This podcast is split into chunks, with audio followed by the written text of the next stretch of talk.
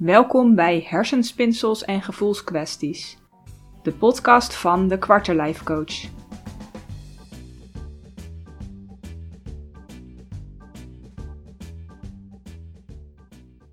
Mijn naam is Daphna Wontebal en vandaag wil ik het met je hebben over uh, familiesystemen of familiepatronen. Je gezin van herkomst is belangrijker dan je denkt. Vaak weten we wel van ja, weet je, bepaalde dingen die komen voort uit je opvoeding of uit je gezin van herkomst. Of bepaalde klachten bijvoorbeeld waarvan je zegt van joh, weet je, mijn moeder heeft dat ook en mijn oma heeft dat ook. Het zit in de familie. Maar um, familiesystemen gaan verder dan dat.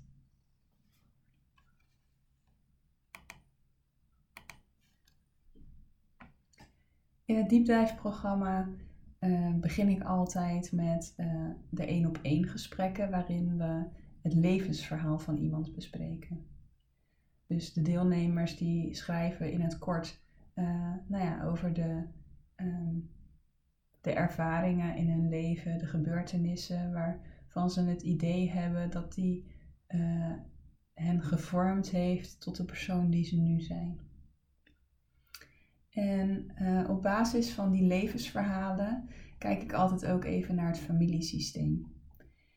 Ik ben opgeleid met um, het, het systemisch werken, zeg maar, dus familiesystemen, familieopstellingen en dergelijke. Dus ik neem dat ook altijd mee in mijn diepdijfprogramma, omdat ik weet hoe belangrijk het is, omdat ik weet dat die familiedynamiek en het feit of iedereen op zijn juiste plek staat een enorme invloed kan hebben op jouw dagelijks leven en de patronen en de, de problemen waar je in het hier en nu tegenaan loopt. Terwijl we ons heel vaak niet van bewust zijn dat dat daar vandaan komt. Nou, het belangrijkste systeem is je gezin van herkomst. We hebben heel veel systemen. Je hebt bijvoorbeeld ook uh, nou ja, de, de uh, collega's en dergelijke waar je werkt, is bijvoorbeeld ook een systeem. Je kan ook um, je familiesysteem zeg maar in het grotere geheel zien met alle ooms en tantes en dergelijke erbij. Je hebt ook je eigen uh, systeem, dus met je partner en je kinderen en dergelijke. Zo zijn er echt tal van systemen waarin wij uh, ons bewegen in het dagelijks leven. Maar zoals ik zei, het belangrijkste systeem is je gezin van herkomst. Je vader, je moeder, je broers en je zussen. En wat veel mensen niet weten is dat uh, overleden kindjes of miskramen ook meetellen in het gezin van herkomst. Dus stel jij bent uh, de oudste in het gezin, maar voordat jij geboren werd heeft jouw moeder een miskraam gehad of is er een kindje overleden, dan ben jij dus eigenlijk niet de oudste, maar dan ben jij het tweede kind. nou, zo heeft iedereen in het familiesysteem zijn eigen plek. En het is heel belangrijk dat um, die plek ook aan de juiste persoon gegund wordt. En dat iedereen ook op de juiste plek in het systeem staat. Want op die manier kan de energie stromen. En als er iemand van zijn plek afgaat, dan wordt die energiestroom onderbroken. En dan, um, nou ja, dan ontstaan er strubbelingen, dan ontstaat er weerstand, dan ontstaan er moeilijkheden. Dus Um, je kan het zien als een soort um, boom of je kan het ook al zien als een soort fontein. Els van die beschrijft het in haar boek als een fontein. En dat vind ik eigenlijk al een hele duidelijke um, metafoor. Dat uh, je, hebt zo'n fontein met van die bakken. Dus onderin een grote bak, daarboven een iets kleinere bak, daarboven nog een kleinere bak. Nou, in de allerbovenste bak staan je grootouders. In de bak daaronder staan je ouders. En in die bak daaronder staat jij met je broers en je zussen op volgorde van geboorte. Als deze volgorde dus niet klopt, als niet iedereen op zijn eigen plek staat, of als jij anderen hun plek niet gunt, dan stopt de fontein met stromen. Dan is het systeem uit balans en dan raak jij ook uit balans. Dit kan bijvoorbeeld gebeuren wanneer jij voor een van je ouders zorgt of wanneer je bemiddelt tussen beide ouders. Dan sta jij niet meer in de bak van je broers en zussen, maar stijg je op naar de bak van je ouders.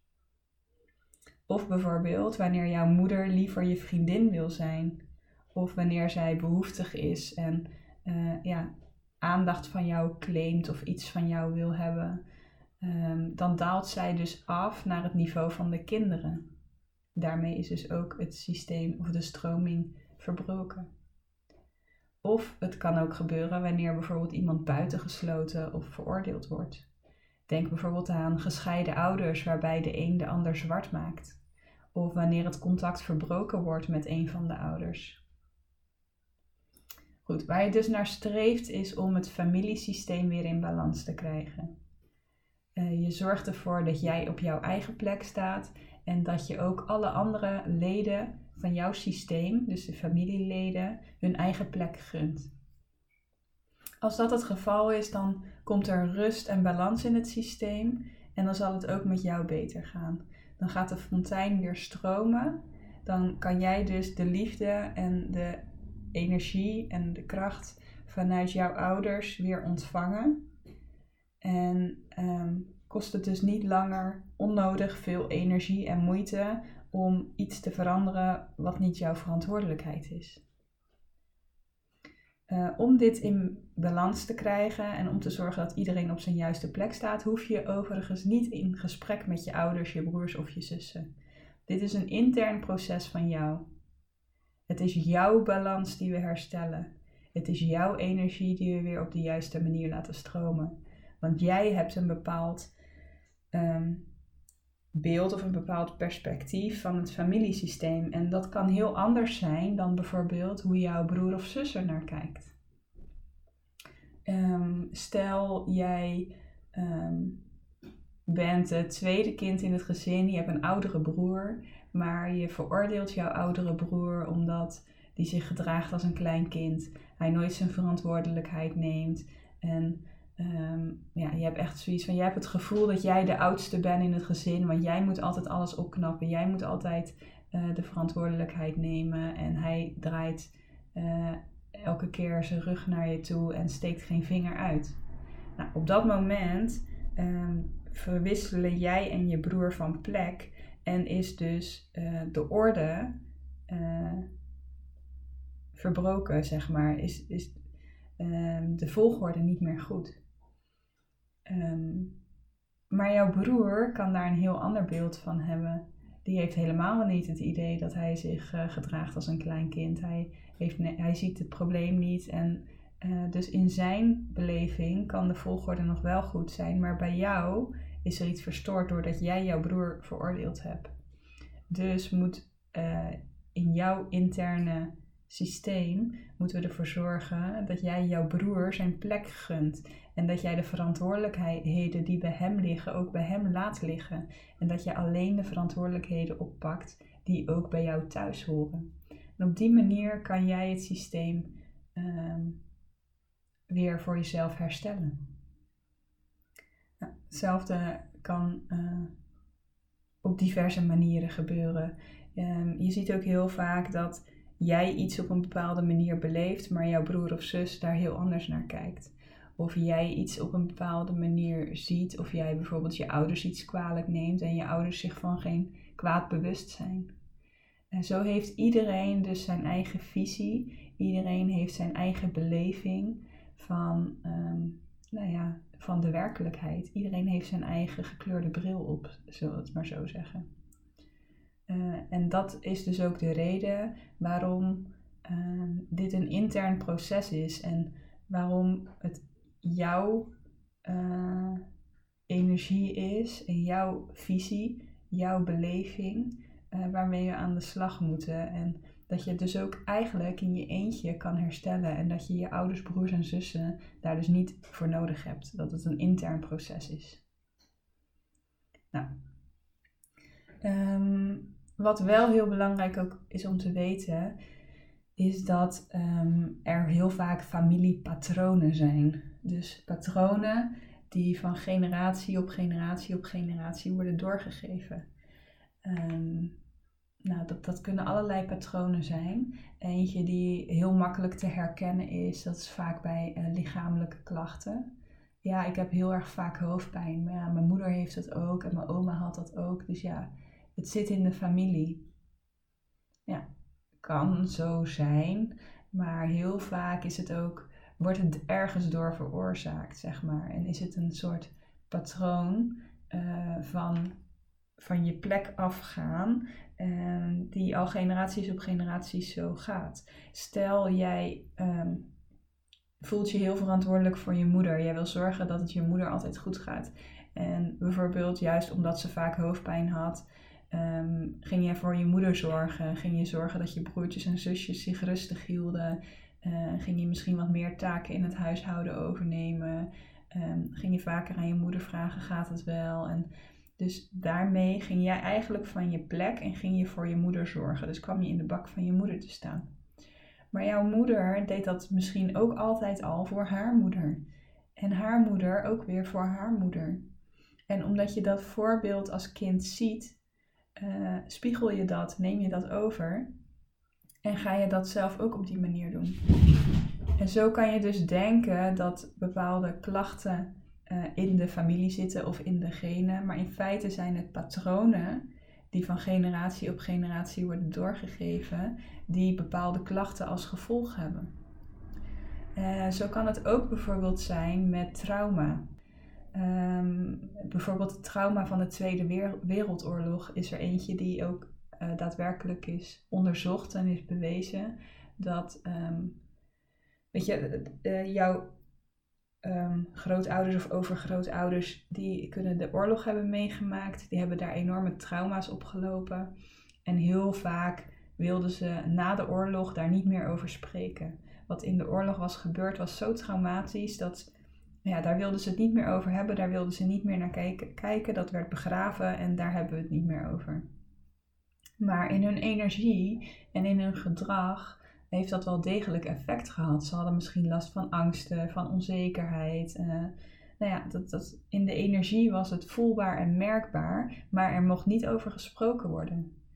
Nou, vaak zie je dan dat de volgende generatie daar last van krijgt, omdat hun ouders emotioneel gezien niet bereikbaar waren en omdat ze die angst gevoeld hebben. En, maar er werd niet over gesproken, dus er, ja, ze konden het niet helemaal plaatsen. Maar die angst en die onzekerheid, die nemen ze wel over, die nemen ze wel mee. En die geven ze ook weer door aan hun kinderen. En die kinderen die hebben geen flauw idee meer waar het van, vandaan komt, maar die lopen wel tegen bepaalde angsten en onzekerheden aan, waarvan ze niet kunnen plaatsen waar het vandaan komt. Um, maar die dus eigenlijk dus al twee, drie, vier generaties is doorgegeven. Uh, zo kan het ook werken met um, huiselijk geweld, met um, seksueel misbruik, met uh, nou ja, allerlei soorten trauma's. Um, verslaving is ook zoiets. Je, je ziet vaak bijvoorbeeld, eh, neem even huiselijk geweld als voorbeeld dat ehm, kinderen die opgroeien in een gezin waarbij er huiselijk geweld is tussen de ouders, uh, dat die vaak later zelf ook in een gewelddadige relatie terechtkomen. Uh, terwijl ze zichzelf voornemen van, weet je, dat zal ik mezelf nooit laten gebeuren. Of ik wil nooit worden zoals mijn ouders. Of ik wil uh, nooit zo'n relatie als dat mijn ouders met elkaar hadden. En toch gebeurt het dan ongemerkt, terwijl ze er zo hard tegen vechten komen ze toch op een of andere manier in een soortgelijke situatie terecht. Hoe kan dat nou, kan je je afvragen. Ja, dat is dan toch ehm, in dat familiesysteem, in die familie-energie, wordt dat doorgegeven. En hoe harder je ergens tegen vecht, hoe harder je iets niet wil. Um, ja, het, het, is zeg maar als een soort van um, strandbal die je onder het water probeert te drukken. Weet je, dat op een gegeven moment, dat kost heel veel moeite, heel veel energie. En op een gegeven moment uh, laat je hem los en springt hij het water uit. Nog veel harder dan wanneer je hem gewoon had laten drijven. Dus dit is een, ja, dit is zo hardnekkig. En het is dus heel belangrijk dat je um, die patronen, die dus van generatie op generatie worden doorgegeven, dat je die gaat doorbreken. Uh, dat je het voorkomt dat jij het ook weer gaat doorgeven aan jouw kinderen. Het is dus heel belangrijk om hier bewust van te zijn, hier bewust naar te gaan kijken, te gaan kijken hoe dit werkt en ook te gaan zorgen dat jij uh, het patroon stopt bij jouw generatie, zeg maar. Dus dat je stopt dat het weer wordt doorgegeven. Nou, dat hangt een beetje af van de situatie. Ehm, nou, wat, het, wat voor patroon het is wat doorgegeven wordt, hoe je dat patroon kan doorbreken. Ehm, maar vaak is het uh, uh, het stukje stilzwijgen, wat sowieso doorbroken moet worden. Uh, het kan ook zijn dat, dat het doorbroken wordt doordat jij op je eigen plek gaat staan en ook de andere familieleden hun plek gunt. Zoals ik al zei, het hangt er een beetje vanaf van wat de situatie is en welk patroon het is dat er wordt doorgegeven, hoe je het kan verbreken. Maar het is wel heel belangrijk om hiermee aan de slag te gaan en je hiermee bewust te zijn. Um, ja, ik vind het echt een super mooi en super interessant onderwerp. En um, nou ja, als jullie geïnteresseerd zijn, zou ik er ook graag nog wel eens wat meer over willen vertellen. Uh, systemisch werk was tijdens mijn opleiding altijd al mijn favoriete onderdeel. En ja, ik blijf dit super boeiend vinden. Er valt zoveel over te vertellen, er valt zoveel over te ontdekken, er valt zoveel over te leren. Um, ja, ik denk er ook over om misschien uh, daar ook nog eens uh, door middel van een cursus of een opleiding nog verder in te verdiepen. Maar um, nou goed, we zullen zien hoe dat uh, zich gaat ontwikkelen.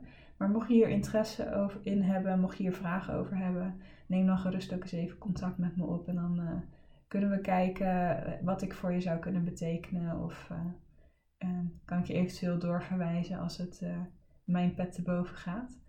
Maar um, ja, nou, super interessant onderwerp. Ga hier vooral ook mee aan de slag. Ga eens ontdekken, ga eens kijken hoe werkt dat nou bij mij en wat zijn nou van die dingen die uh, ja, bij ons heersen in de familie, zeg maar, of waar we steeds allemaal weer tegenaan lopen. En uh, probeer eens te ontdekken waar dat dan vandaan komt. En uh, als je hier zelf niet uitkomt, zou ik je zeker aanraden om hier hulp bij te zoeken. Er zijn heel veel mensen die zich hierin gespecialiseerd hebben. Um, wees wel echt even kritisch. Kijk ook echt of dat die mensen ervoor opgeleid zijn. Want het is, het is best wel ingewikkelde materie en het is best wel uh, gevoelig. En niet iedereen uh, ja, die dit aanbiedt, heeft ook echt een gedegen opleiding hiervoor gedaan. Dus wees daar kritisch in. Kijk met wie je in zee gaat. En uh, nou, ja, ga het gewoon vooral ontdekken en ga hier uh, mee aan de slag. Want het is echt super interessant en uh, heel waardevol om hiermee aan de slag te gaan. Het kan heel veel um, onbewuste dingen doorbreken waarvan je niet wist dat het nou ja, vanuit je familiesysteem afkomstig was. Dus veel succes hiermee en ik uh, zie je graag weer de volgende keer.